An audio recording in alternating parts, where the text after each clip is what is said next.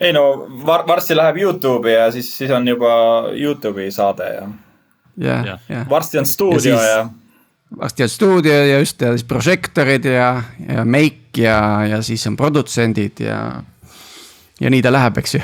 nii ta läheb jah huvitav, mis äh, riikides selline eestikeelne saade võiks populaarseks saada? nagu vaata, kõik vaatavad neid Jaapani erinevaid, keegi ei saa aru, aga kõigil on jube naljakas see, kui nad mööda seebi, seebi seina üles ronivad ja niimoodi jah. peame lingvisti käest küsima, kes kõige rohkem eesti keelt õpivad. et neil võiks olla huvi Eesti materjali ka vaadata. ei no tegelikult mingi transcribe võiks all olla ju automaatne. ei no minu, minu arust on see üldse ülimalt noh, patriootlik tegelikult ju teist, et te teete nagu eestikeelset saadet üldse. et äh, enamus inimesi, kes mõtleb, et oo, ta hakkab midagi nagu tegema, paneb kohe automaatselt inglise keele suunda. Et räägime siis kohe juba rahvusvahelisele areenile, eks. ja siis äh, sealt tänu sellele, et me oleme rahvusvahelisel areenil, kohe saame rohkem kuulajaid ja vaatajaid. et äh,, et see, et te nagu tegelikult keskendute ju eestikeelsele sisule, et see on väga-väga väärtuslik, sellepärast noh, see kõnetab lihtsalt ja see jätab sellise tunde, et see on natuke rohkem kodune mm. -hmm. et see on hästi lahe. et targeteerime maailma kõige väiksemat nišši, mis üldse eksisteerib, need on eestikeelsed tarkvaraarendajad. mitte ainult, need on eestikeelsed tarkvaraarendajad, kes tahavad kuulata teiste arvamusi. see on oh, veel väiksem nišš. et seal on veel alamnišš, on, on need välismaa arendajad, kes õpivad eesti keelt. ah jaa. nii, aga hakkame minema. jah, meil on väga keerulised sihtrühmad pool saadet on juba tehtud enne kui intro.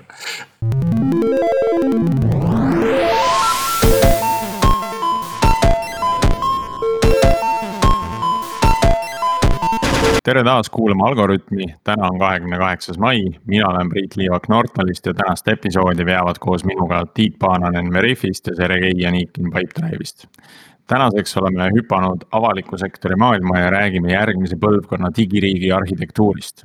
külas on meil Eesti CTO Kristo Vaher, tere Kristo. tervist, tervist. Räägi palun äh, meie kuulajatele mõni sõna endast ja oma taustast, et äh, kus, kust sa tuled ja mida sa tegid enne, kui sa Eesti CTO-ks said?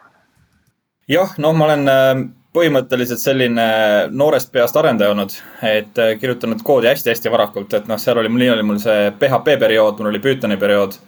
Arendasin põhimõtteliselt kahekümnendate alguses äh, nii-öelda ühte väga huvitavat projekti, mis oli seotud meie kaitseväe nii-öelda virtuaalmilitaarsimulatsiooniga Äh, mis põhimõtteliselt oli üks kõige põnevamaid projekte üldse, mida, mida, mida ei tea nagu, et Eestis oli nagu tehtud, et äh, tehti selline virtuaalne, tähendab nagu ruum, milles olid päris sõdurid ja tulistasid päris relvadega, milles olid gaasiballoonid äh, virtuaalse ekraani pihta. Ja algselt ma kunagi arvasin, et ma tegelen üldse 3D-ga suure osa oma elust. see on nagu see golfisimulaator, et millega ja, sa lööd vastu. täpselt nagu golfisimulaator, ainult et relvadega ja siis äh, ülikoolis tekkis huvi nagu tarkvaraarenduse vastu, et ma avastasin seda, et ma, ma olen liiga kannatamatu, mis puudutab 3D-d äh, ja seda ja selle nii-öelda perfektset silumist. et koodi kirjutamine tundus nagu märgatavalt nagu mõistlikum, et ma sain juba nagu maitse suhu selle militaarsimulatsiooni äh, arendades Pythonis tehes neid stsenaariumeid aga noh, sealt edasi ma läksin, tegin noh, massmeediat äh, suures osas äh, emailide väljasaatmisteks, digitaalsete turunduste, igasuguste töövahenditega seoses. Äh, ja siis sealt edasi läksin pangandussektorisse, olin Bigpangas grupi arhitekt, no alguses vanemarendaja, aga hiljem grupi arhitekt pangasüsteemide peal. et et selles mõttes oli hästi-hästi huvitav teekond, kuni siis mind tõmmati riiki. Ähm, ja ma ei plaaninud seda, aga mingisugune kutsung sisemiselt, noh, võib-olla minu isast on samamoodi nagu sellise noh, patriotismi lainele, et annaks siis midagi nagu meie, meie väiksele riigile nagu tagasi. ja siis ma olin umbes aasta aega olin ma SMIT-is ehk siis põhimõtteliselt meie politsei töövahendeid ja, ja siseministeeriumi erinevaid keskkondi arendavas asutuses ja sealt edasi ma tajusin seda, et või noh, mul tekkis selline hüpotees, et kas riigis on meil võimalik tegelikult teha tarkvaraarendust niimoodi, et see ei ole metsas sellel hetkel juba, kui esimest rida koodi hakatakse kirjutama. et hästi palju selliseid suuri projekte on sellises olukorras ja siis ma mõtlesin, no aga okei okay,, et kui Siim Sikkut, meie siis CIO äh, riigis äh, tegi mulle sellise kutsuva käe, siis arutasime temaga mitu korda, saime kokku, sest ma ei olnud üldse kindel, et ma tahan ministeeriumisse tööle minna. Ja rääkisime väga pikalt, et noh, kuhu me tahame seda digiriiki tegelikult viia ja milliseid põhimõtteid me tahame juurutada. ja siis leidsime ikkagi hästi palju ühist keelt. Ja siis mõtlesin, ma võtan selle väljakutse vastu ja katsetan seda hüpoteesi nii kaua, kui ma saan sellele vastuse, et kas siis meil on võimalik tegelikult teha ka selliseid suuremaid projekte ja, ja tähtsamaid arendusi niimoodi, et see ei ole juba kreenis selleks hetkeks, kui arendaja nii-öelda puhtalt lehelt alustab Mm -hmm. see on ülilahe, et, et, et meie nii-öelda digiriigi arengu juures on, on inimesed, kellel on selline sisemine põlemine ja motivatsioon, mis, mis on -hmm. läheb kaugemale nagu igapäevasest kontoris istumisest ja kuupalga vastuvõtmisest, et. kui sa nüüd peaksid äh, nii-öelda tegema sellise state of union kõne, eks ju, meie digiriigi hetkeseisust, et kuidas, mis sa seda kõne alustaksid siis? oh jah, noh, et äh, see on, see on hea küsimus ütleks, et ma ei tea, kas te olete kursis sellega, aga Riigikontroll tegi ju sellise hetkeseisu auditi meie äh, suurtele projektidele äh, siin eelmisel aastal, et. Äh, et see tõi välja hästi palju väga huvitavaid punkte. et ma ütleks nagu sellele, et kui ma alustaks millestki, siis ma ütleks seda, et ajalooliselt oleme, oleme ju ikkagi nagu suhteliselt noor taasiseseisvunud riik. kus tehnoloogia ehitamine ongi nagu vohanud ja käinud nagu käsikäes selle kogu noh, ütleme, ongi internetitehnoloogia massilise arenguga viimased kakskümmend, kolmkümmend aastat. ja kuna me oleme selles nagu toredas mullapinnas nagu igasuguseid süsteeme ehitanud, siis nüüd on jõudnud kätte aeg, kus tegelikult suur osa nendest süsteemidest on, ongi aegunud ja on juba nagu vanad. ja me oleme jõudnud sinna kohta, kus tegelikult igasugune uus tükk, mida me ehitame, äh, kasvatab seda maksukoormust eks kodanikule. sellepärast, et iga uus süsteem nõuab mingisuguse ulatuses nii-öelda seda haldusraha, hooldusraha, edasiarenduse nagu raha ja äh, igasuguste nagu noh, kalkulatsioonide järgi ka puusalt tulistades äh, on nagu märk selline, et kui me seal ei, ei tee asja jätkusuutlikumaks, siis tegelikult sõidab asi kreeni. ja meil ei ole ühel hetkel enam raha Äh, et nagu toetada neid süsteeme, neid nagu arendada. Et me peame nagu hästi palju hakkama prioritiseerima seda, et, äh, et kõik, mida me teeme, eksisteeriks natukene nagu kauem. üks minu selliseid põhimõtteid on olnud on ka, et tegelikult on juba hästi suur võit sellest, kui mis iganes süsteem, mida me täna teeme, pole siis. kas siis avaliku sektori projekt või on see siis erasektori projekt. kui me suudame teha süsteemi, mis isegi eksisteerib üks või kaks aastat kauem. ka puhtalt üks või kaks aastat kauem, siis sellest on märgatav võit sellepärast et äh, ilma selleta meil tekib konstantne selline liitintress tehnoloogilise võla näol. et mida lühemad on süsteemid, need kallid süsteemid, mida me ehitame, eks, mida lühema elueaga nemad on, siis seda raskem on meil nagu üleval hoida, nii rahaga kui ka leides inimesi, kes seda nagu tegelikult äh, suudaksid nagu hallata. ja seal, selles osas meil ongi vaja teha väga suur muutus kui nüüd tulla korraks selle riigikontrolli auditi juurde, et äh, mis seal need põhilised suuremad äh, tõkked või probleemid olid, mis seal, mis seal välja toodi? Äh, ütleks noh, no te olete kindlasti nagu teinud hästi palju suuri projekte ju nagu ise, et te teate, mis seal ikka juhtub, et tehakse väga suures nii-öelda skoobis asju, võetakse väga suur tükk nagu korraga planeeritakse klassikaline live aastate pärast, mitte nagu tükkide haaval, mitte nagu kohe testides ja katsetades äh,. ollakse üldjuhul optimistlikud, sellepärast et noh, et kui me saame optimistlikult madalama eelarve, et siis on ju tõenäolisem, et me saame ju ka selle raha kinnituse ja toetuse. Et need sümptomid on hästi-hästi sarnased, aga hästi palju see, mis mind nagu kõnetas selle riigikontrolli auditi juures, oligi just seesama asi, et meil on vaja tegeleda sellega, et need süsteemid, mis me oleme ehitanud, et need suudaksid tegelikult ellu jääda. Äh, ja me peame tegelema selle legacy'ga, me, me, me ei suuda teha riigis kogu aeg uusi süsteeme, mis mitte midagi muud kinni ei pane. kas äh, ma, ma tuleks võib-olla arhitektuuri, kohe hüppaks arhitektuuri küsimustesse, et, et kuidas äh, arhitektuuriga lahend-, kas on üldse võimalik arhitektuuriga lahendada neid probleeme, et kuidas teha neid süsteeme ühelt poolt nagu jätkussuutlikuks ja, ja, ja et nad kestaksid kauem, aga teiselt poolt ikkagi nad saaks kaasajastada, et elu ju muutub kogu aeg ümber. et, et, et mis su mõtted nagu arhitektuuri osas on, et kuidas seda lahendada? jaa, see on hea küsimus.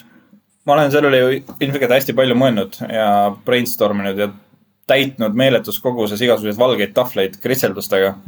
et noh Te olete ka tegelikult ju selles äh, podcast'i sarjas arutanud ka varem näiteks noh mikroteenustest ja, ja sellega seotud asjadest, et.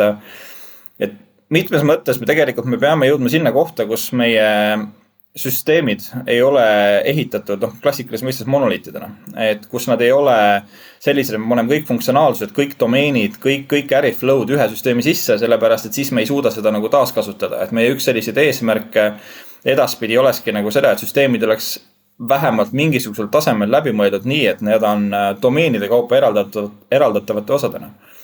Et siis on võimalik tekitada mingisugune taaskasutus, et siis on see erand on kirjutatud kuhugi mujale sisse. et kui sa ka sead ühte komponenti näiteks viiest või ühte komponenti viieteistkümnest saaksid nagu taaskasutada digiriigis, siis see annab juba võidu, sellepärast et seda komponenti järelikult siis sa ei pea uuesti arendama ja me nagu hästi palju üritamegi seda rohkem nagu suruda äh, ja vaadata, et sellist, sellist nagu modulaarsust ja sellist äh, arhitektuuri põhimõtteid nagu võetakse kasutusele. ja muidugi teisest küljest on seesama asi, et, äh, et rohkem keskenduda siis pilvekõlbulike tarkvarade arendusele. et selle kompetents on riigis kahjuks nõrk et. enne kui me, enne kui me sinna hüppame, räägi korra, kui suur see, kui suur see nii-öelda maht üldse on erinevate teenuste, erinevate infosüsteemide lõikes täna, et. et palju neid riigiasutusi täna on, kes omale mingit infosüsteemi arendab ja igas asutuses, mõnes suuremas on ju neid ikka kümmekond, eks meie riigi organisi-, noh, organisatoorne ülesehitus just nagu IKT toe osas äh, koosneb ju peamiselt viiest suurest IT-majast, no tehniliselt kuuest äh, IT-majast, kes siis pakuvadki nii-öelda neid, arendavad ja haldavad neid erinevaid äriteenuseid mida on siis äh, ametitel ja ministeeriumitel nagu vaja. et aga neid süsteeme, kõige täpsemad arvud, mis seal on, on, on meil eksisteerib selline asi nagu RIHA, kus on siis äh, igasuguste andmekogude noh, nii-öelda register, kus on siis talletatud kõik erinevad andmekogud, mis meil on, see on ka väga-väga vana tarkvara, mis vajab adresseerimist. Äh, aga seal on ka kirjeid üle kahe tuhande, et noh, neid, nende süsteemide arv, mis on sinna nagu registreeritud, on ikkagi hästi-hästi suur. ja ja enamus nendest süsteemidest on äh, tegelikult tänasel hetkel äh, monoliidi vormis veel, eks, et kui me võtame ja. selle kaks, kaks tuhat süsteemi. ja lööme selle mikroteenusteks, et siis me saame päris ja. suure numbri jah, täpselt, äh, mikroteenuseid sinna eraldi kategoriseeritud ei ole, ka siis, kui meil on tehtud teatud arendusi, mis on nagu mikroteenuse põhimõtteid kasutataval, siis seal on nad registreeritud ühe süsteemina teadupärast äh, või eksisteerib mingi selline linnalegend, et äh, kui ma vaatan mingit tarkvara või süsteemi, siis, siis selle arhitektuur tihti räägib ka sellest organisatsioonist ja selle organisatsiooni arhitektuurist, mis seda ja. süsteemi siis arendab. et ma tean, et vähemalt viimased kümme aastat on riigis räägitud sellistes nagu teenustepõhisest lähenemisest ja, ja teenustel on omanikud äh, mis, kes hoolitsevad siis konkreetsete nii-öelda kodaniku use case'ide eest mingis mõttes, et mm. -hmm. kas see on nüüd tänaseks juurdunud juba või on see ka endiselt nii-öelda in progress? ma ütleks, et võib-olla on see igavesti in progress see on hästi raske nagu teema, et, et see on kindlasti hästi palju rohkem levinuma hakanud, et äh, kasutajakesksust tehakse ikkagi aktiivselt palju-palju rohkem, kui äh, varem on tehtud. aga see on nagu igasuguses teiseski valdkonnas, et sul on nagu neid häid näiteid ja sul on ka nagu kehvemaid näiteid, mis on äh, rohkem kiiresti nagu läbi surutud. et, et selle osas ütleme, me teeme ka äh, mitte ainult siis nagu mina, vaid tegelikult meie ja terve Siimu osakond teeb hästi aktiivselt nagu koostööd ikkagi tihedalt tellijatega äh,. noh, meie tellijatega siis nii-öelda. ehk siis igasugused kõik tootejuhid, kes tegelikult realiseerivad neid teenuseid, mis kodanikel nagu lähevad. ja rõhutame sedasama asja ka, et äh, ikkagi tuleks see kodanik ja see lõppklient äh, nagu kaasata algusest peale ja, ja see praktika, ütleme, töötab, aga ta, ütleme, võib-olla ta ei saa kunagi valmis. et, äh, et, et kindlasti selline asi, mida lihtsalt, see on suund, mida peab jätkuvalt nagu hoidma ja alati meelde tuletama. on sul mingi hea näide äh, mingisugusest kodanikele suunatud teenusest, mis nagu järgis seda printsiipi, äh, sellist omaniku printsiipi algusest lõpuni? no ma ütleks, et mu üks lemmiknäiteid riigis, ta on nii alati positiivse kui ka siis nagu negatiivse külje alt on sealt kõike on võimalik sealt leida, on ju see, mida tegelikult on teinud Maksu- ja Tolliamet, et kogu see füüsilise isiku tuludeklaratsioon. et äh, nad ju tegelikult on käimas hästi-hästi suur projekt, mis adresseerib erinevaid külgi sellest, kuidas meie maksu ja tolli nii-öelda erinevaid tehnoloogilisi teenuseid nagu lahendatakse.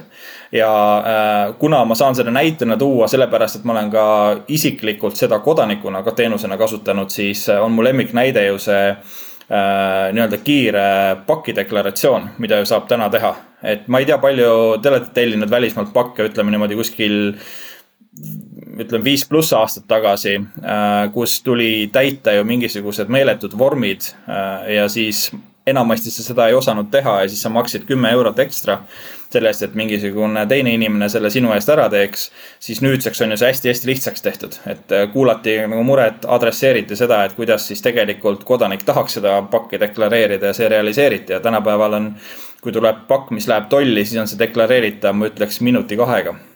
Et äh, see on hästi-hästi hea näide. Ja nad, nemad tegelikult äh, teevad ka seda niimoodi, et nad arendavad neid tükke või noh, neid funktsionaalsusi samm-sammult. et läheb üks väike osa läheb laivi, katsetatakse nagu ära, vaadatakse, mis nagu juhtub, nad on aktsepteerinud seda, et tekivad mingisugused kat-, katkestused. kahjuks ei ole jõudnud me sellise väga hea blue-green deploy'ni näiteks, eks, aga aga noh, et tekivad ikka katkestusperioodid, aga need katkestusperioodid on vähemalt planeeritud ja uus funktsionaalsus jõuab kogu aeg äh, tarbijateni. et see on minu arust väga hea näide olnud. ma, ma küsiks äh, sellise küsimuse, et äh, me Pipedrive'is üritame jagada siis arendajad nendeks, kes arendavad teenuseid või mingisugust mm -hmm. kasutaja flow'sid ja siis on olemas arendajad, kes arendavad ühiskomponente või noh, nimetame neid platvormi tiimiks on ju, et. Äh, oskad võib-olla öelda, et kas on teil ka selline jagunemine olemas ja, ja kui suur see osakaal näiteks nendest inimestest, kes arendavad platvormi versus need, kes arendavad konkreetseid teenuseid kasutajatele? Jah, selle kohta on isegi mitu vastust, et võib-olla siin tasub isegi võib-olla vaadata äh, erinevate IT-majade enda sisse. et universaalselt on meil küll jah niimoodi, et meil on äh, kõige klassikalisem jaotus IT-majades on meil see, et meil on need arenduspooled. ja siis on meil olemas nii-öelda kogu see taristumeeskond. Äh, mõnes on see taristumeeskonna juures veel ka platvormimeeskond, kes pakub nii-öelda nagu pilve aga ma ütleks, et võib-olla kõige õigem näide digiriigi suures võtmes on näiteks Juria, et meil on asutus, kes põhimõtteliselt pakub tsentraalseid mingisuguseid tükke ja tarkvarasid. eks äh, noh, hea näide on näiteks tuua Tara. Tara on siis meil põhimõtteliselt see autentimise keskkond, läbi mille on võimalik sul ID-kaarti kasutades või isegi Smart-ID kasutades äh, on sul võimalik äh, sisse logida ennast erinevatesse süsteemidesse, see on selline keskne lahendus, mida siis taaskasutatavad kõik erinevad teised asutused. et ta on nagu mingil määral nagu jah põhimõtteliselt nagu Auth null, mis äh, pakub Eesti autentimiskanaleid siis ID-kaarti ja mobiil-ID-d ja Smart-ID-d. jah, et, äh, et noh, RIA pakub sellelaadseid nagu lahendusi, noh nemad ju toetavad Eesti poolelt ka nii-öelda seda, mis toimub X-teega. eks äh, ja muidugi ma tean, see on meil hilisem teema siin podcast'is juba mainiti ette agenda mõttes, aga kogu see kogukonnast juhinduv arendus, mis võimendaks ka avalikku ja erakoostööd et see on ka läbi hetkel, läbi nende töövahendite tulemas.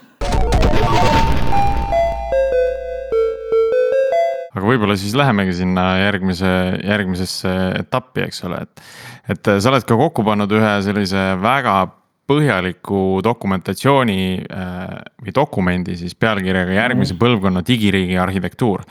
Äh, kus tegelikult kirjutatakse väga mitmetest erinevatest äh, moodsatest arenduspraktikatest ja põhimõtetest, mis siis võiks jõuda ka ühel hetkel digiriiki. jah.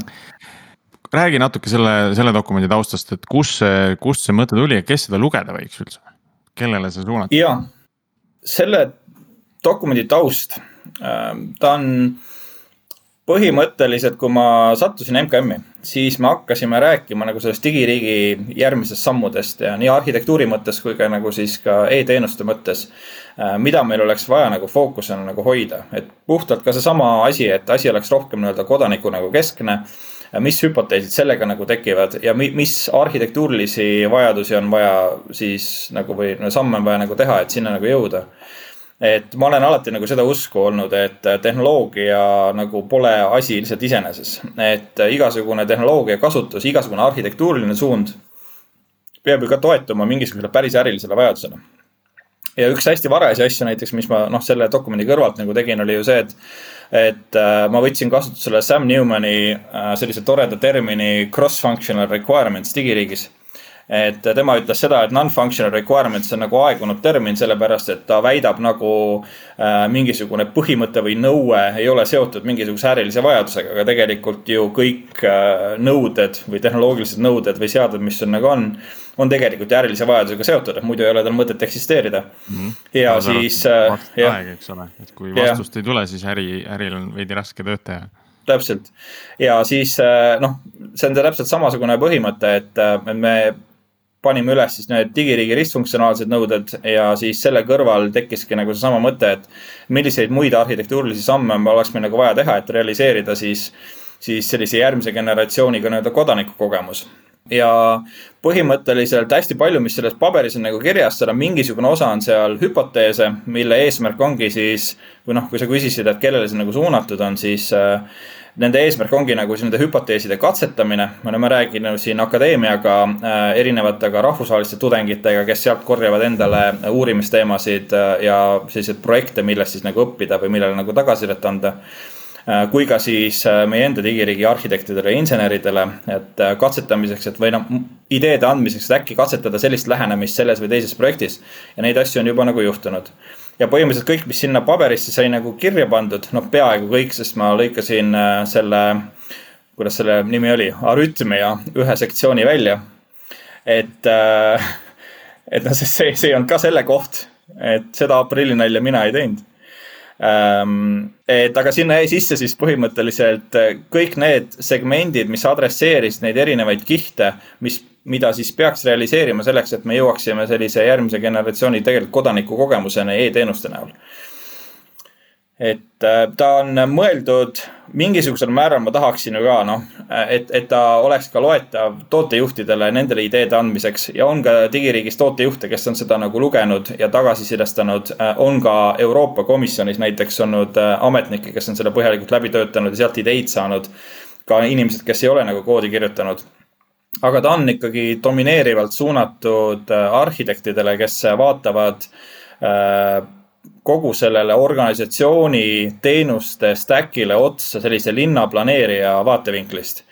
et võib-olla mitte siis nii-öelda klassikalise maja ehitaja, vaid siis just nagu linnaplaneerija vaatevinklist, et, et kuidas see äh, noh, ülesehitus nagu peaks nagu olema et äh, jälle röövides siin äh, nii-öelda vanemate, võib-olla peast natuke rohkem hallide arhitektide sõnu, siis äh, siis hea tehnoloogia ei paranda halba protsessi, eks, et sa pead alustama väga õigest kohast, et, et sa seda head tehnoloogiat võimalikult hästi ära kasutaks mm. -hmm. ja seal on ju, seal on hästi palju detaile, et kui nüüd mis, mis tegelikult on huvitavad ka, ka täitsa arendajale lugeda, et ja noh, teemadena on seal kirjas äh, domain driven design, seal on Conway's loost räägitud, cap teoreemist äh, äh, ka sündmustepõhisest mikroteenusest, mitte üldse nii sellises religioosses või ülistavas võtmes, et täiesti ausalt ja avatult, et mis on selle, selle arhitektuurse mustri nii-öelda plussid ja miinused, on ju.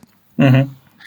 et, et seal on kindlasti nagu väga palju uut ja huvitavat ja minu jaoks oli just eriti põnev lugeda seda, seda suurt pilti, mis see annab nii-öelda äh, sellisest äh, riigi, digiriigi visiooni kohta mm. -hmm. et, et kui sa rääkisid siin ka sellisest linnaplaneerija äh, vaatevinklist, siis ühe huvitava aspektina on seal sees selline asi nagu X-Rooms. äkki sa räägid sellest kontseptist natuke lähemalt, et me teame kõik, mis asi on X-tee, aga mis asi see X-Room on? see on ähm see, see on hea küsimus, mulle, mulle, mulle meeldib hästi palju sellest nagu rääkida ja see on üks kõige huvitavamaid hüpoteese, mis me üldse oleme pannud sinna paberisse, mis on äh, mis on selline asi, mida me tegelikult tahaksimegi ja millele me hästi palju ka äh, digiriigis keskendume just sellel aastal, et vaadata, mis on selle plussid ja miinused. aga X-Room on, oli siis see mõte, et kui klassikalises mõistes X-tees äh, liidestatakse sul punkt A punktiga B, et kaks peavad omavahel olema mingisuguses lepingulises suhtes üks teeb päringu teisele, see on klassikaline nii-öelda sünkroonne päring, no tehniliselt saad ka asünkroonselt seda teha, aga sa ikkagi teed seda kahe nende kindla punkti vahel. siis äh, X-Room sündis nagu sellest, et, äh, et noh, oma varasema kogemusega, olles vaadanud nii-öelda noh, sündmuspõhise arhitektuuri peale või noh, event driven architecture'i suunas.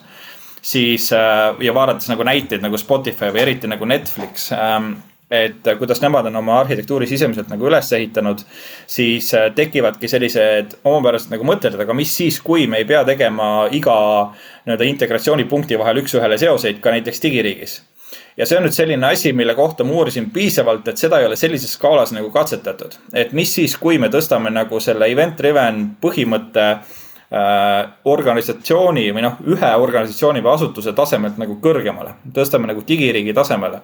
et mis siis, kui me teeme või pakume nagu e-teenuseid läbi selliste ruumide suhtlemise kontsepti mida see nagu inimkeeles hea näide on see, et me näiteks aruta-, arutame sellist projekti nagu Mobility as a Service. Äh, ja Mobility as a Service on siis selline projekt, mis on erinevalt realiseeritud erinevates riikides, kus see on realiseeritud, näiteks Soomes. Ja selle eesmärk on siis nagu see, et sina tahad saada nagu punktist A äh, kuhugi punkti B füüsiliselt eks. ja siis põhimõtteliselt erinevad teenusepakkujad pakuvad sulle teatud otsi sellel, sellel nagu teel ja sa, sa siis saad ise teha nagu valiku, et milliseid otsi sa nagu tahad ja kuidas siis lõpuks sinna lõpp-punkti nagu jõuad ja äh, mida see X-ruumi kontekstis nagu tähendab, on see, et sina kodanikuna kasutada, kasutada siis oma mingisugust seadet äh,. teed päringu, mis küsibki sinult umbes nagu mikrohange, mina tahan saada Tallinnast Tartusse, mis on minu võimalused. ja siis see publitseeritakse sinna ruumi tehnilisse ruumi siis, eks, kus on siis pealtkuulajad, erinevad teenustepakkujad. ja nemad saavad siis pakkuda sulle erinevaid otsi sellel sinu teekonnal. eks, jällegi automatiseeritult, eks.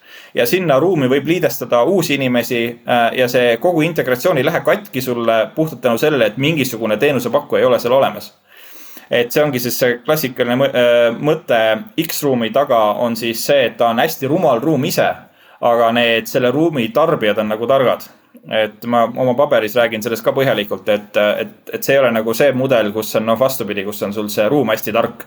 kus see ruum ise teab täpselt, kuhu, kellele midagi nagu liigutada, et ei, et see ruum on ise nagu rumal, aga ta on hästi turvaline.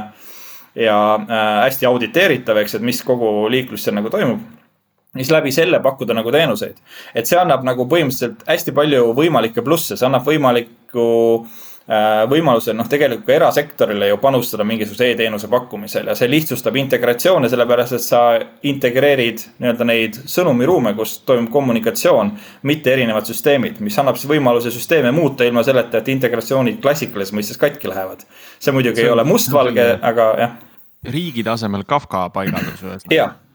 Me alustamegi kusjuures. ja I think, ma, ma arvan, et Rabbitis on vist see exchange rooms on tegelikult või see exchange, exchange, noh, ongi exchange on ju, et. no kusjuures Kafka on väga õige termin tegelikult, sest me üks esimesi projekte äh, ongi hüpoteesina välja pakkunud, et proovida seal nagu Kafkat, et see on nagu publish subscribe äh, mudel äh, et, et vaadata, kas seal see nagu töötab, no Kafkaga on ka alati, et no Kafka on natuke gramm keerukam kui noh, ongi Rabbit, eks, et äh, võrreldes. aga äh, pikas visioonis kui seal on see mhm. X-element sees, siis mina tahaks uskuda, et seal on, on ikkagi tagatud ka selline turvalisus justkui nagu X-tees, et ja. kõik sõnumid on krüpteeritud. ja, ja, äh, et miks selle nimi on X-ruum, on see, et kui me hakkasime sellest nagu mõtlema äh, siis me mõtlesime nagu sellest, et me, meil ei ole mõtet teha järjekordselt mingit uut ju noh, täiesti eraldiseisvat äh, digiriigi ökosüsteemi komponenti. et me peaksime selle kuidagi integreerima ju X-te enda ökosüsteemiga et tegelikult oleks ju palju mõistlikum, et kui sa oled juba X-tee lepinguline kasutaja, sa juba kasutad, sul on olemas juba turvaserver. eks, et siis tegelikult oleks sul võimalik ju liidestada ennast nii süsteemidesse kui ka nendesse sõnumiruumidesse ja võimalusel ka panna neid sõnumiruume lihtsamalt nagu üles. et äh, seda me oleme nüüd arutanud äh, NIIS-iga.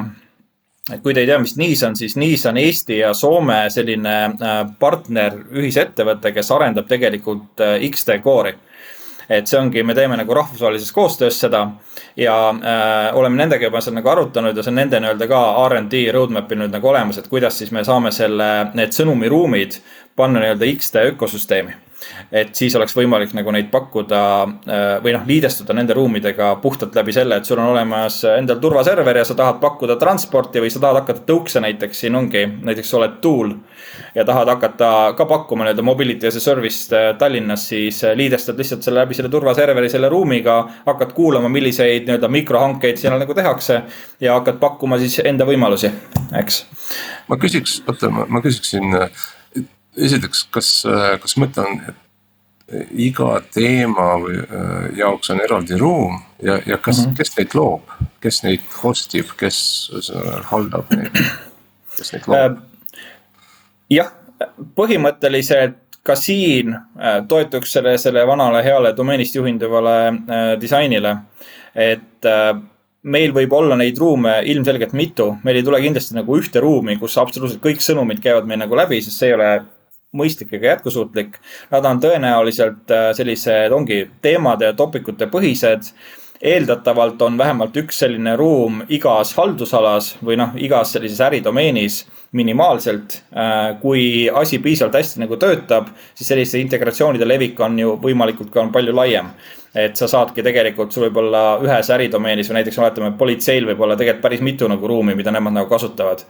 ja see mu lemmiknäide, et seda siis noh, mis nagu hästi-hästi palju inimesi nagu kõnetas, oli nagu see, et tegelikult äh, on see sama domeenist juhinduva disaini üldpõhimõte, et see on nagu, see on nagu ruum, see on nagu see ruum siin nagu organisatsioonis, mis iganes ruum, kus kohas mingisuguseid arutelusid nagu tehakse või kanalid, kus kohas mingisugune informatsioon nagu liigub. ta peab olema sama paindlik, sellepärast sa saad organisatsiooni ka nagu muuta.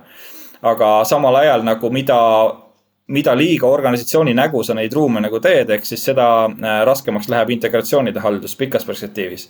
et siis äh, alustame nagu võimalikult väikeste sammudena ja siis vaatame äh, nii-öelda, kuhu suunas see nagu areneb. aga põhimõtteliselt kindlasti ei ole see olukord niimoodi, et meil on üks ruum kõige jaoks, vaid meil on sellised väga teemade, teenuste äh, integratsioonide põhised ruumid ma nüüd mängin natuke siin kuradi advokaati, et lihtsalt -hmm. natukene tuua võib-olla provotseerida siin just erasektori, riigisektori ehm, nii-öelda eh, dilemmat, et kui palju teeb riik ja kui palju siis eh, teeb, teevad erasektori ettevõtted et ma saan väga hästi aru sellest, et, et Eesti pakub nii-öelda identity as a service, eks ju, Veriff on otseselt seesama asi, aga siis, et inimestele, kellel ei ole sellist riiki, kes pakuks nagu identity't as a service, et noh, meie Eesti riik on, on füüsilise dokumendi füüsilisest dokumendist, mille ta on välja andnud, on teinud digitaalse identiteedi, mida sa saad suvalisel hetkel eh, kasutada nii autentimiseks kui ka identifitseerimiseks, et. Eh, et kas see nüüd eh, ei lähe natukene, ütleme mobility as a service, kas see nüüd ei trügi nüüd ütleme erasektori pärusmaale, kus on sellised nagu väärtusahelate nagu teenindamiseks mõeldud lahendused ja, ja platvormlahendused, et. et eh, selline väike dilemma tekib siin, et miks riik peaks seda tegema? Ehm, mul on, mul on natuke kahju, et see Devil's Advocate äh, põhimõtteliselt ei, ei tõsta tegelikult nii karmi dilemmat, nagu ma kartsin või ootasin äkki et tegelikult selle eesmärk ongi see, et, et erasektori teenused oleksid äh, seal küljes. et põhimõtteliselt see, mis puudutab nagu seda X-ruumi mõtet, siis X-ruum, kui mobility, kujutame ette nüüd mobility as a service X-ruumi, eks, et sul on mingisugune ruum olemas, kus teenusepakkujad siis saavad äh, vastata siis nii-öelda anda nagu välja pakkuda siis neid erinevaid võimalusi, kuidas siis nagu seda teenust nagu pakkuda. siis on ju täiesti võimalik, on see, et nii erasektori pool on see ka, kes teeb neid päringuid sinna, kui ka erasektori pool on see, kes neid tegelikult nagu pakub, toetudes X-tee ökosüsteemile. tagades siis selle turvalisuse ära, tagades, tagades siis auditeeritavuse, eks et, et see, see algne mõte ei ole niimoodi, et riik ise hakkab nii-öelda neid teenuseid pakkuma või et riik on see nüüd, kes äh, kes oma autojuhid paneb neid inimesi kohale viima. jällegi võimalik, sest äh, riigis on ka äh, palgal autojuhid, kes äh, ka tihti seisavad ja ootavad, eks. et äkki ka nemad võivad olla siis seal selle mobility as a service'i üks osa. aga samamoodi on seal üks osa on sul seal Bolt, eks, üks osa on sul võib-olla sul Tallink takso, eks. sul võib olla seal mingisugune kolmas täiesti ärisegment, eks, kes ongi mingisugune FIE kellel on ka nagu tehtud leping, tal on olemas omaendal erasektorist äh, ostetud nii-öelda platvormteenus, mis ühendub selle äh, ruumiga ja tema pakub sinna siis nagu enda autosõiduteenust et äh, see riigikiht jääb ikkagi sinna äh, auditeeritavuse ja ökosüsteemi tasemele, et äh, me kindlasti ei. neutraalse, justkui neutraalse platvormi, eks ole. aga kas siin sellist suure venna hirmu ei tule, et siis hakkab riik kõiki neid sõnumeid track ima ja vaatama, et kes kuhu sõidab? No see on see samasugune hirm, nagu on ta noh, X-teega ikka, eks. et, äh, et seda hirmu nagu maandada, on meil seesama äh, andmejälgija põhimõtte edasisurumine. et igasuguste andmete liigutamine, mis puudutab nagu sinu andmeid, tehtaks sinule nagu läbipaistvaks. et me teame sellega, et noh, kes on Eesti E-d kasutanud, eks, et, et seal näete ju, et kui, kui politsei teile trahvi teeb, et politsei on teie andmeid nagu pärinud, et et, äh, et see on selline praktika, mida me ka kõrvalt liini pidi tegelikult eraldi äh, survestame, et seda oleks veel rohkem. sellel on omad miinused, millest võib ka hästi kaua nagu rääkida, et võib-olla see ei ole siin praegu kõige õigem koht, et mida rohkem sa läbipaistvaks teed, seda rohkem hakkavad inimesed küsimusi küsima, miks, miks, miks aga äh, ütleme, et, et me loodame, et, et selle ökosüsteemi andmete kasutuse läbipaistvuse tulemusel me seda riski ka maandame kas äh, selle mobility nagu ultimate teenuse jaoks äh, ei oleks meil vaja lepingut a la Google'i ja Apple'iga, kes hakkavad lihtsalt location based datat edastama sinna ruumi või, või? mis see, kuidas see tehniliselt nagu või, või mina pean endale mingisuguse riigi rakenduse installima, et saaks. Äh, ja ähm,, et see on veel lahtine, äh, me sada protsenti ei tea, mis suunas me seal nagu läheme, et, et siin on nüüd, tuleb kõrvale võib-olla see teema, mis on ka natukene äh, hästi väikseid laineid tekitanud, on see bürokrati asi või see riigi digitaalse assistendi nagu teema. aga hetkel on see äh,, me noh, me räägime ilmselgelt äh, nii-öelda kõikide nende suurte tehnoloogiaettevõtetega, et arutada, mis võimalused meil on, et integreerida siis meie digiriigi ökosüsteemi nende äh, nii-öelda mobiilsete seadmete ökosüsteemiga. et ideaalis oleks niimoodi tõesti, et sa ütled Sirile ja Siri kohe automaatselt suudab sulle ju ära broneerida selle nagu või anda sulle need valikud ja millest sa siis selle valiku nagu teed. aga meil on kindlasti ka laual see, et meil äkki peab eksisteerima ka digiriigi enda äpp, äh, mis siis põhimõtteliselt võimaldab sulle seda kogu seda noh, push teavitusi, eks võimaldab äh, nii-öelda aru saada sellest, mida sa nagu soovid. ja siis äh, seda nagu sealtkaudu ära nagu lahendada. et ma ise olen muidugi selle kooli inimene, kes nagu ei tahaks uusi äppe kogu aeg igale poole. aga äh, noh, mingisuguses piirangute keskkonnas me nagu tegutseme, et me vaatame, mis see kõige äh, õigem lahendus nagu on. aga mobility as a service'i mõttes oli see hüpotees või noh, praegu see proof of concept, mida, mida siin nagu ka erasektoriga koostöös tegelikult nagu proovitakse. et see hõlmab jah, siis nagu äppi või siis nagu vähemalt veebirakendust nii, aga hüppame korra selle X-ruumi pealt äh, edasi ja hüppame sellise cloud, cloud native'i ja cloud readiness'i suunas, et äh, ka sellest on seal dokumendis juttu. ja just selles võtmes, et äh, kõik uued loodavad teenused peaksid siis olema cloud ready, cloud native, äh, kõike muud. kuhu, kuhu pilve need peaksid ühel hetkel minema, sest väga paljud riigiasutused tegelikult ei võimalda enda andmeid sellise avaliku ja suurde pilve nagu AWS või Google'i poolde, poole üldse pannagi jah, see on, see on see, mille pärast äh, on juba noh, isegi enne minu ministeeriumisse tuleku aega käivitunud nagu selline projekt nagu Riigipilv. mille suur hüpotees oli siis teha äh, nii-öelda avaliku sektori jaoks kasutatav pilv, mis vastab siis riigi nõuetele ja tingimustele, aga samal ajal on, mille komponendid on toodetud tegelikult siis erasektori poolt et selleks loodi ju konsortsium, äh, selle kohta on rohkem infot veebilehel riigipilv.ee. ja äh, selle eesmärk oligi nagu siis see, et lükkame need tükid välja, mida riik tegelikult ise ei peaks nagu tegema, et see on see minu ka üks põhimõtteid olnud, et tee ise seda, vaata, mida sina tead tegelikult paremini, kõik muu osta sisse et äh, riigi kontekstis ma võin nagu kindlalt öelda, et noh, pilvekompetents on meil riigis väga madal, et meil ei ole mõtet seda ju ratast leiutada seal, me tegelikult peaksime hästi suure osa sellest kogu platvormi poolest ju nagu lihtsalt teenusena sisse ostma.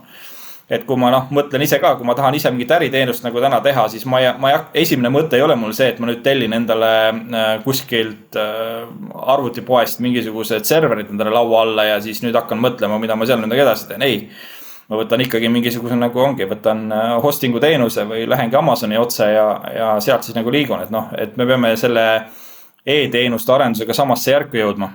Sorry, Sergei, räägi. mul on kohe, mul on see kogemus, on ju, me, me siin üritasime Pipedrive'i riigipilve panna.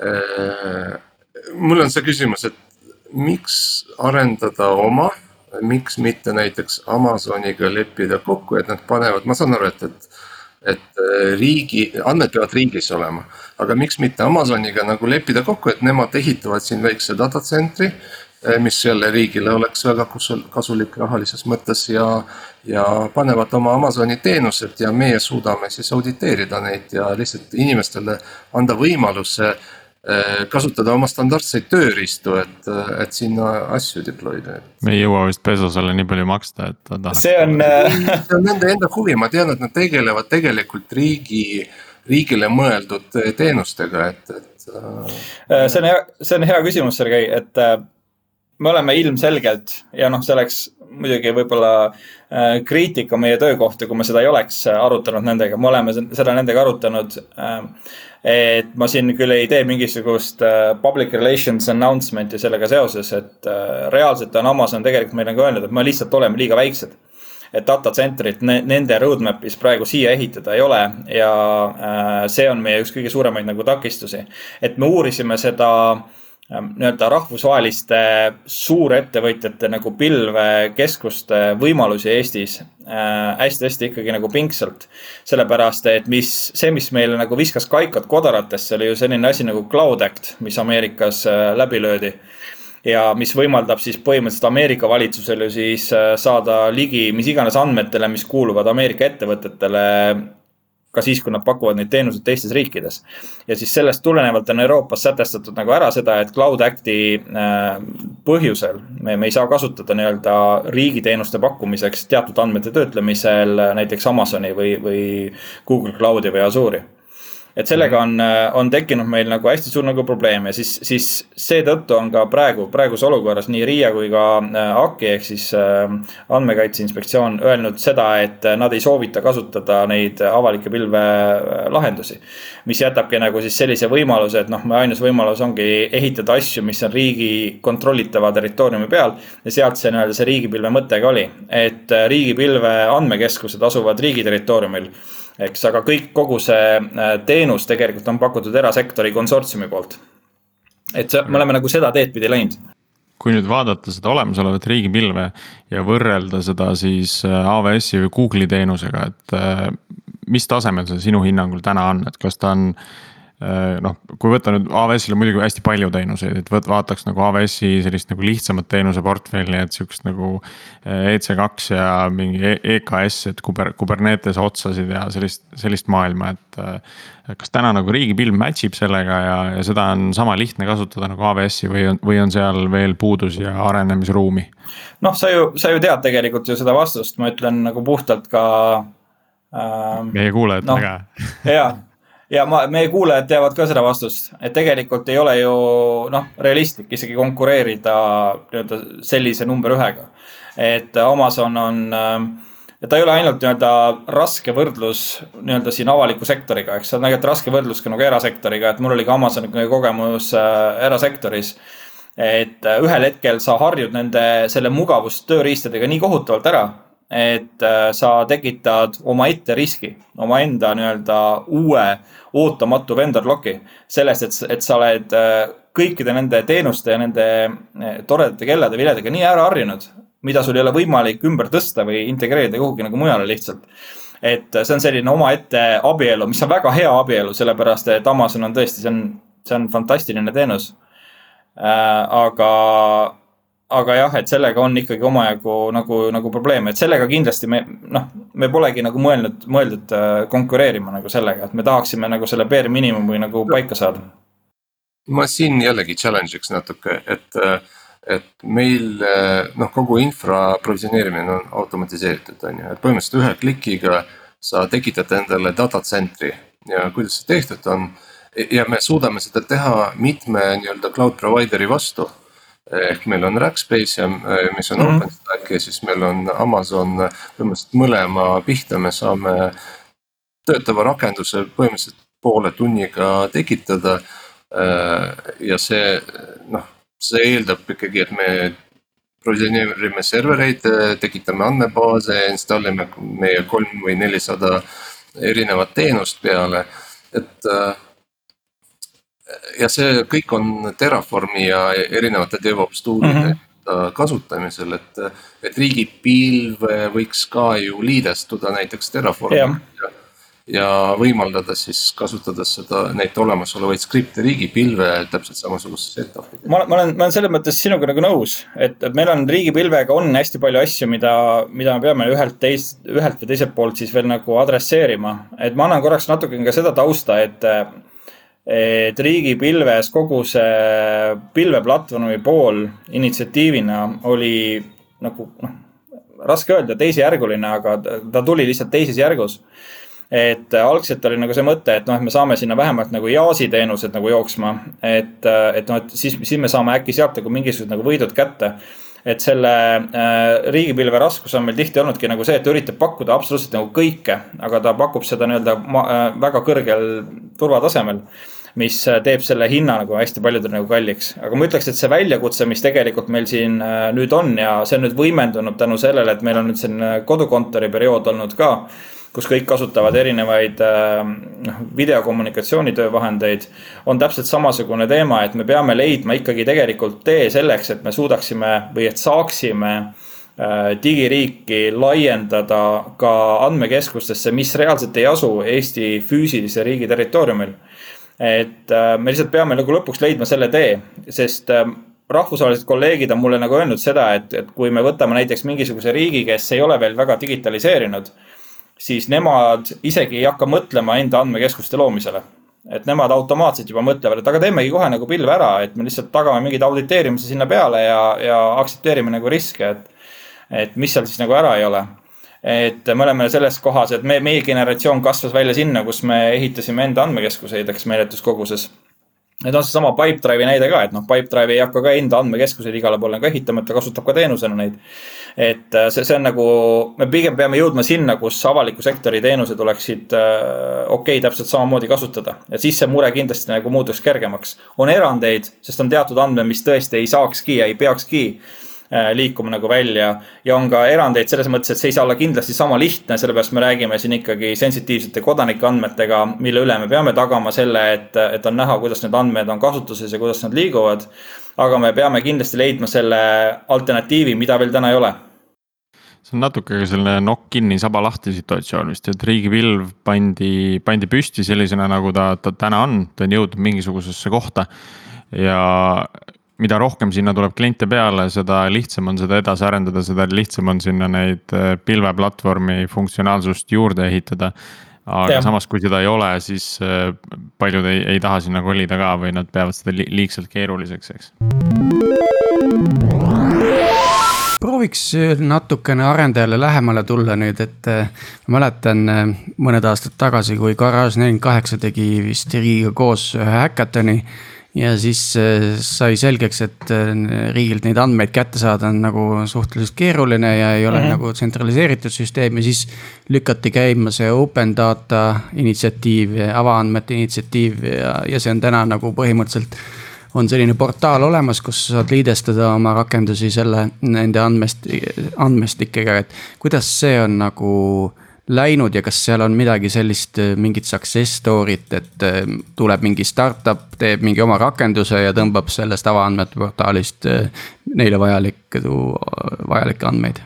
et noh, ma ütleks, et äh, kahtepidi, see on olnud äh, tegelikult ähm,, annab natuke tausta, et ajalooliselt oli niimoodi, et kuna meil oli X-tee siis Eesti oli, äh, mis puudutas igasuguseid rahvusvahelisi ranking uid äh, seoses avaandmetega või andmete kättesaamise lihtsusega, oli hästi-hästi madalal kohal.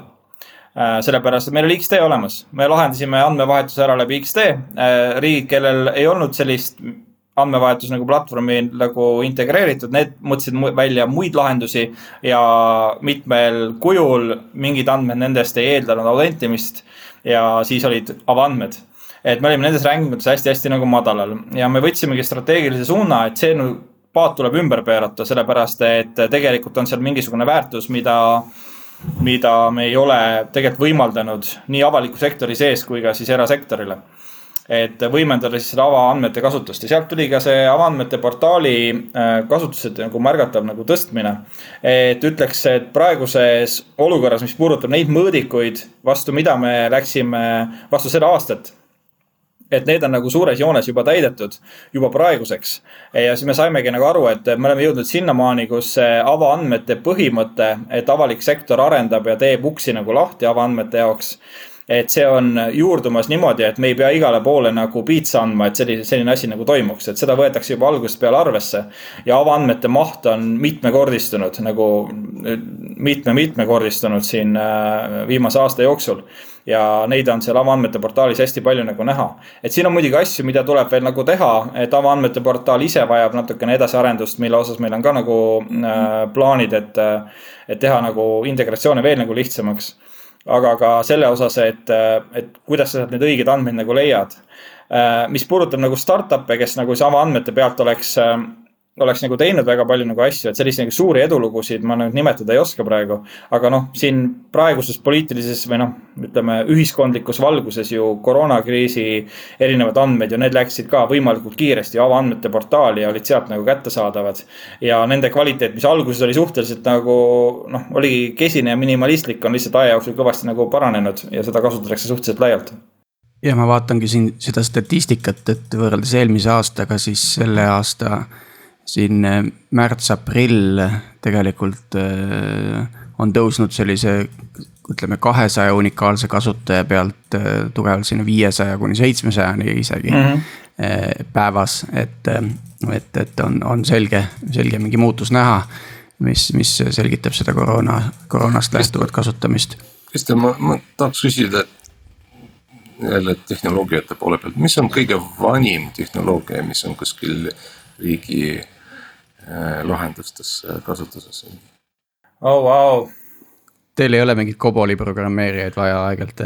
ja, ja ei, kuulge ja, Cobolit meil on küll kuskil. Äh, see on jah, ma, ma ütleks, et võib-olla Cobol ongi üks selliseid kõige nagu oldschool imaid asju, ma nüüd ei ole isegi kindel, ma ei ole oma silmaga nagu seda nagu näinud, et kas kas see on suitsunurga jutt või on see nagu päris värk, aga, aga meil, meil on komponente, mida äh, et kui ma siin enne mainisin, et seda, seda Maksu- ja Tolliameti nagu suurt projekti, siis meil on tegelikult süsteeme, mida ei julgetagi enam nagu näppida, sellepärast et see on ühest küljest nii vana juba. Teisest küljest on ta nii monoliitselt keeruline, et hästi raske on sellest nagu aru saada ja kolmandaks, need inimesed, kes sellest nagu aru saavad, on tõenäoliselt juba pensionile läinud või, või oma töös piisavalt edukad olnud, et nad enam ei viitsigi tööd teha. et, äh, et selliseid okay, süsteeme meil on. Cobol äh,, kas Java, mis kõige nii-öelda väiksem versioon Javast, mida kuskil jooksutatakse? Java ähm, neli ähm,, Java viis? on, on väga tõenäoline, mul, mul ei ole neid äh, numbreid sulle anda, aga, aga ma ütleks, et tõenäoliselt Javat on meil iga, iga versiooni tead neid äh, süsteeme, mida mina olen kuskilt tagant, taganttoast näinud äh,. see pilt on üllatavalt hea, et Java on ikkagi selline asi, mida üritatakse uuendada nagu üsna agressiivselt, kui see süsteem vähe jookseb uuema, uuema Java peal, siis see ikkagi uuendatakse ära. jah, see, see, see on nii see, see on jah niimoodi, et äh, kui on süsteem, mis äh, noh, vähemalt seda olukorda me jah ei tekita, et kui on süsteem, mis saab äh, tähelepanu ja, ja ähm, mingisugust edasiarendust, siis selle käigus kindlasti nagu versioone uuendatakse, et okay., et, et me neid nagu su surema nagu ei jäta. aga meil on tõesti süsteeme, mis äh, ei ole saanud äh,, põhimõtteliselt mille hald-, haldus ongi.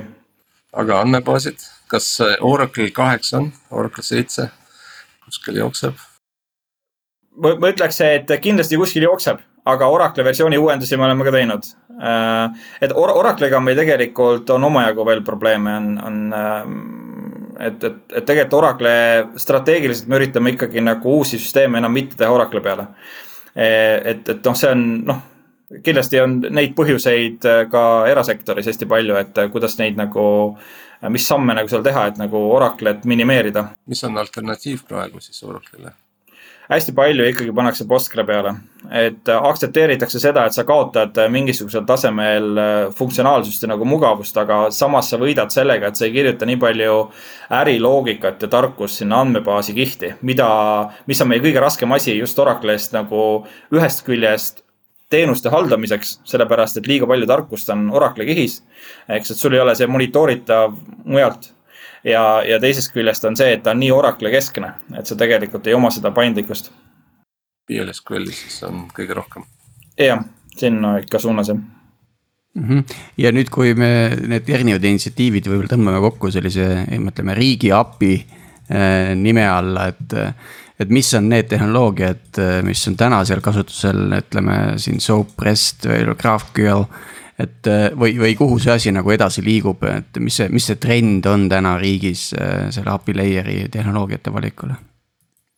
hästi palju ikkagi REST-i, et X-tee ju tegelikult ju ka hakkas toetama REST-i nüüd mõnda aega tagasi, selle kasutus on veel väike ja madal. sest noh, ta eeldab ikkagi sul äh, eraldi integratsiooni, et ta nii ka noh, seal on ka automaatselt on võimalik konvertimine, aga sellega on noh, teate küll, milliseid probleeme. Äh, et äh, põhimõtteliselt on ikka see REST suund on ikkagi hästi-hästi nagu aktiivne, et riigi sees tehtud API-d on ikkagi nagu REST API-d, seal enam SOAP-i nagu ei tule Äh, ajalooliselt hoiame erinevaid soap liideseid veel nagu üleval, eks, ja uued X-tee liidesed ka ikkagi, et võimalikult palju oleks ikkagi see, see äh, REST suunal. et see noh, lihtsalt lihtsustab äh, väga palju nagu asju, et vähemalt API-de kontekstis kindlasti. aga GraphQL-i, kas te ei plaani teha mingit composite API, mis oleks GraphQL-i nii-öelda serveri? ei, ei, ei ole hetkel ühtegi projekti sellist, mis, mis neid hüpoteese nagu testiks. et, äh, et kui kindlasti näiteks, kui, kui teil endal on mingisugused mõtted, et kus kohas nagu võiks, siis äh, hea meelega ju nagu kuulaks. aga meil hetkel ühtegi projekti küll. aga väiksemates, äh, väiksemates projektide sees mikroteenuse mm, -hmm. mikroteenuste omavahelisel suhtlusel on seda kasutatud küll. no mina mõtlen, et GraphQL on, on just hea kasutada seal, kus sul on vaja mitmest erinevast süsteemist või siis IT-majast andmed kokku viia, ütleme, et kui mina tahaks kodanikuna kogu, kõik, kogu oma andmestiku nagu ühe API koolina nii-öelda riik slash self. Ei, äh, ma, ma, ma, ma tean, mida sa, sa sihid. Äh, see on selline osaliselt nagu noh, kuidas öelda, märg unenägu ju paljudel andmeanalüütikutel, et tegelikult ju võiks ju saada kõik andmed kokku nagu lihtsalt piisavalt targa päringuga üle terve riigi ja seda ma tean, et on osad riigid on uurinud omaenda süsteemide mõttes, Saksamaal on proovitud mingisuguseid asju nagu teha aga sellist projekti, mis kohe niimoodi nagu üritab, et seda veel nagu ei ole. et, ähm, et see on hästi-hästi nagu ambitsioonikas, aga hästi-hästi suurte nagu riskidega, ehk siis sa võid tekitadagi nagu sellise olukorra, kus, kus ühe, ühel hetkel on integratsioonide keerukus või noh, see samasugune tarkus jookseb kuhugi mujale, eks et, äh, et jah, ambitsioonikas idee iseenesest, aga ma arvangi, et seal tulebki alustada võib-olla pigem väiksemate projektidega ja vaadata, kas on see üldse skaleeritav. ja võib-olla ta peabki jääma ainult mingisuguste väik-, väikeste valdkondade sisemiseks, võib-olla mingisuguste raportite tegemiseks ja andmeanalüütikaks. aga nüüd see API kiht, et kui see, sorry Priit, et kui see API kiht nüüd on kasutusel Äh, kas on ka mingi mikrotransaktsiooni mingi hinnastamine seal või on see puhtalt, riik näeb seda ikkagi tasuta paku-, teenusena, mida ta pakub? sa mõtled äh, erinevaid X-tee kaudu tehtud päringuid mm? -hmm. et äh, X-tee päringud sõltuvad nagu sellest, ongi noh erinevatest lepingutest, et kui sa tahad X-teega teha päringuid äh, kellegi suunas, siis noh, see on olemas leping, et. Äh, et noh, erasektori jaoks äh, on teatud rahvastikuregistri päringud ka noh, erineva kulumudeliga. et ma arvan, et sellist nagu üldist mudelit API päringute või noh, riigi pihta tehtud API päringute osas ei ole lauda, vähemalt minu teada nagu tulnud ja seda ei ole ka kuskil nagu plaanis, et nüüd me keerame mingisuguse otsa, kus hakkame nagu siis ekstra Äh, noh, nii-öelda põhimõtteliselt rahakotti nagu täiendama riigile, et. Äh, et pigem nagu tahaks jõuda nagu sellele, et meil oleks need teenused äh, tagatud läbi selle, et, et lõpuks see maksutulu, mis nagu lõpuks sealt nagu tuleb ju, et see maksaks ka need nagu selle teenuse kulu nagu kinni. et see oleks nagu selline tervislik põhimõte, ma arvan, digiriigile, kui see, et lihtsalt igale poole kirjutada veel rohkem nii-öelda läbi Rootsi pankade liikuvat raha sinna vist Samas... väga raske sellist mudelit peale ehitada, mis piisavalt äh, raha sisse tooks, et neid jätkuarendusi investeerida. ma, ma ei tea, ma, ma mõtlen, et, et kui keegi avastab, et, et see konkreetne riigiteenus on äh, hea ka äri kasvatamiseks, no ütleme, et ma ei tea, hakatakse identimisteenust kasutama, on ju, mingite oma ärilistele, noh Tiit ju, Tiidu firma võtab ju raha selle identimise eest on ju, et Tiit lihtsalt huugib äh, Eesti riigi pihta hakkab, hakkab hästi populaarseks nii-öelda teenuseks ja hakkab raha kasseerima et, et tegelikult. jah, identiteedi verifitseerimiseks ja, ja tegelikult rahvastikuregister no. ongi, ongi üks allikas äh, äh, selleks, et. aga ma lihtsalt sihin sinna, et kui järsku mingi riigi, riigiteenus äh, osutub väga populaarseks. Et tegelikult selle skaleerimine ju hakkab yeah. raha maksma, on ju, et, et minu meelest selle eest peaks küll raha küsima yeah,. Yeah. käest, et. no aga toome sellise, kui te tahate nagu arutada huvitavat intriigi, siis toome näiteks Smart-ID näite ju. et me tegelikult tegeleme sellega praegu ka, et Taras on olemas Smart-ID liides ka. aga Smart-ID on ju selline asi, mille peab ju siis ju keegi kinni maksma, eks. et, äh, et ilmselgelt noh, siin ei ole kindlasti nagu sellist head nagu hõbekuuli. Aga kui kuskil nagu mingisugune kulu nagu ikkagi tekib, eks siis tulebki läbi, mõelda, et kas me siis hakkame sealt nagu rohkem raha küsima sellega seoses või, või, või nagu mitte, eks et, äh, et noh, neid kohti, kus kohas mingisugune asi tänu populaarsusele võib minna haldamatuks tänu sellele, et kulud lähevad lihtsalt nagu üle piiri ja üle eelarve.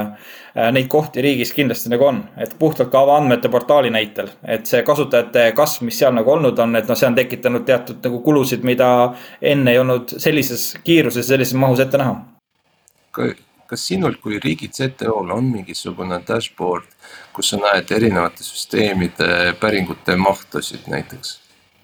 ja vastava Ta,. tahaks, et oleks äh, ka see on üks selliseid asju, millega me nagu tegeleme, et me tegelikult tahaksime ära uuendada äh, riha ehk siis selle süsteemi, mis hoiab koos neid kõiki erinevaid andmekogusid, et tegelikult see asi, mida me äh, digiriigi arhitektuurinõukoguga ehk siis äh, sellise nõukoguga, kus äh, on ka erasektori esindajaid, aga on domineerivalt digiriigi erinevate haldusalade arhitektid oleme arutanud, siis Riha peaks tegelikult hakkama andma sellist pilti sulle. et sulle Rihasse saadetakse nii-öelda erinevate infosüsteemide manifestid, mis siis põhimõtteliselt kirjeldavad nende noh, olekut, nende funktsiooni. ja siis läbi selle oleks võimalik ka lõpuks hakata auditeerima nagu erinevaid päringuid, mis lähevad näiteks üle X-tee Äh, mis siis äh, koormavad erinevaid nagu teenuseid, eks. Äh, et me tahaksime, tahaksime kindlasti sinna jõuda. aga siin võibki nagu arvestada seda, et kui raske on see näiteks ühes organisatsioonis, omaenda organisatsiooni stack'is nagu realiseerida ja kui keeruline võib see olla siis riigis, kus sa räägid erinevate haldusaladega, millele on igal haldusalal omaenda turvanõuded ja ootused ja omaenda uksed, mis tuleb nagu avada selleks, et need andmed sulle kokku liiguks. et täna mul sellist head dashboard'i ei ole, aga kindlasti tahaks, et oleks kui nüüd võtta kõik see eel, eelnev jutt kokku, et siis äh, minu vaates on see olukord täitsa nagu ühes äh, sellises suuremas pangas, et äh, kuskil keldris on kobolit ja. ja samas samal ajal on väga palju arendust, mis käib tegelikult moodsa arhitektuuri, moodsate põhimõtete ja, ja tehnoloogiate peale, et yeah.. et mul on hea meel näha, et see ambitsioon on või see latt on kõrgele seatud ja, ja ja sihitakse ikka sinna veel, veel parema ja äh, paremate lahenduste suunas. jah. sa oled ilmselt teiste riikide äh, organisatsioonide ja tehnoloogiatega oled äh, kursis ka, et. Et mis on need riigid, mis on, et kus, kuhu sa Eesti asetaksid nii-öelda pingereas ja, ja mis on need riigid, mis on üsna lähedal meiega arengu poolest? hea küsimus äh ütleme, et riigimehelikult ilmselgelt pean Eestit esimeseks.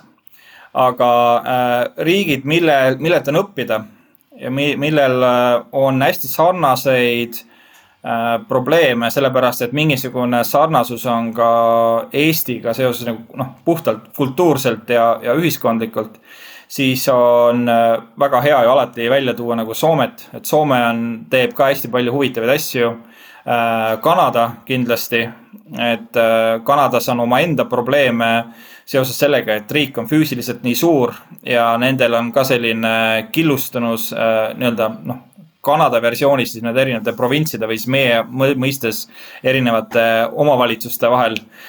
kus on igaüks on nagu riik iseeneses, et probleemid, millega nemad nagu tegelevad, aga jällegi lahendused on seal nagu huvitavad ja muidugi Inglismaa et äh, Inglismaa kõige suurem probleem on muidugi vana hea Brexit, eks, et kui see Brexit seal juhtus, siis nad kukkusid oma digirattalt natuke maha.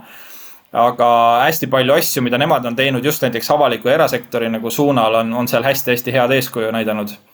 et Mul on, pigem äh, tooks nemad välja, jah mul on äh, meeles, et äh, ma olen kellegi, kellegi jagatud just Briti digiarengu, riikliku digiarengukava strateegia dokumenti näinud, mis oli avalik ja mm, -hmm. ja see oli hämmastavalt sihuke praktiline ja hämmastavalt tark ja isegi eraettevõtted oleks võinud sealt hästi palju tegelikult õppida, et. oli, oli paljud nendest inimestest, kes, äh, ma võin küll eksida, aga paljud nendest, kes selle koostasid, liikusidki erasektorisse.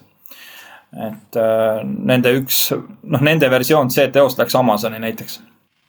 olgu, kas hakkame otsad kokku tõmbama? tõmbame tänaseks joone alla jah äh,, aitäh Kristo tulemast äh,, oli väga põnev ja huvitav vestlus nii meile kui loodetavasti ka meie kuulajatele. endiselt ootame meie kuulajate tagasisidet äh, Äh, Facebookis ja kõikides muudes kanalites. Äh, ja kuulate meid taas järgmine nädal.